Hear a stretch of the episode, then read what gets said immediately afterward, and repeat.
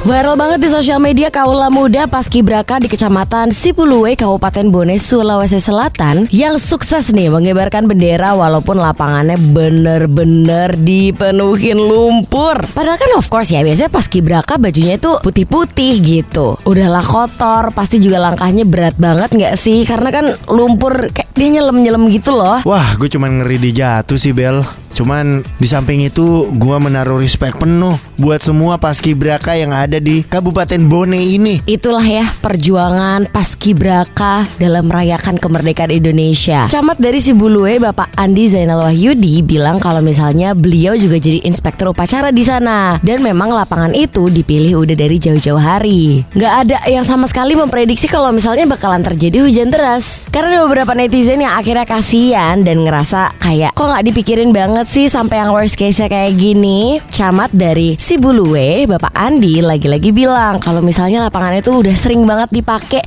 dan biasanya nggak becek. Tapi emang selama dua hari ini ada hujan yang deras banget, jadinya lapangannya sampai berlumpur dan becek. Dan karena memang mereka juga sudah latihan di situ, Tempatnya sudah ditentukan dari jauh-jauh hari, upacara jadi tetap dilangsungkan walaupun lapangannya tuh becek dan berlumpur. Sehabis upacara, para paskibraka tuh katanya langsung nyari-nyari air gitu buat ngebersihin tubuh sama baju mereka. Aduh kasihan, tapi masih sih. Aku sangat-sangat menghargai prosesnya karena kan untuk jadi paskibraka juga nggak mudah ya. Harus menjalankan ini itu, harus tahu ini itu. Mungkin saran aku ya, next nextnya panggil Mbak Rara aja gimana Bel? Ya Mbak Rara juga udah ada job kali di tempat lain, dipikir lapangan di sana doang. Ya maksud gue kan panggil Mbak Rara buat ngibarin bendera, bukan buat jadi pawang hujan. Ya ngapain Rara ngibarin bendera ya?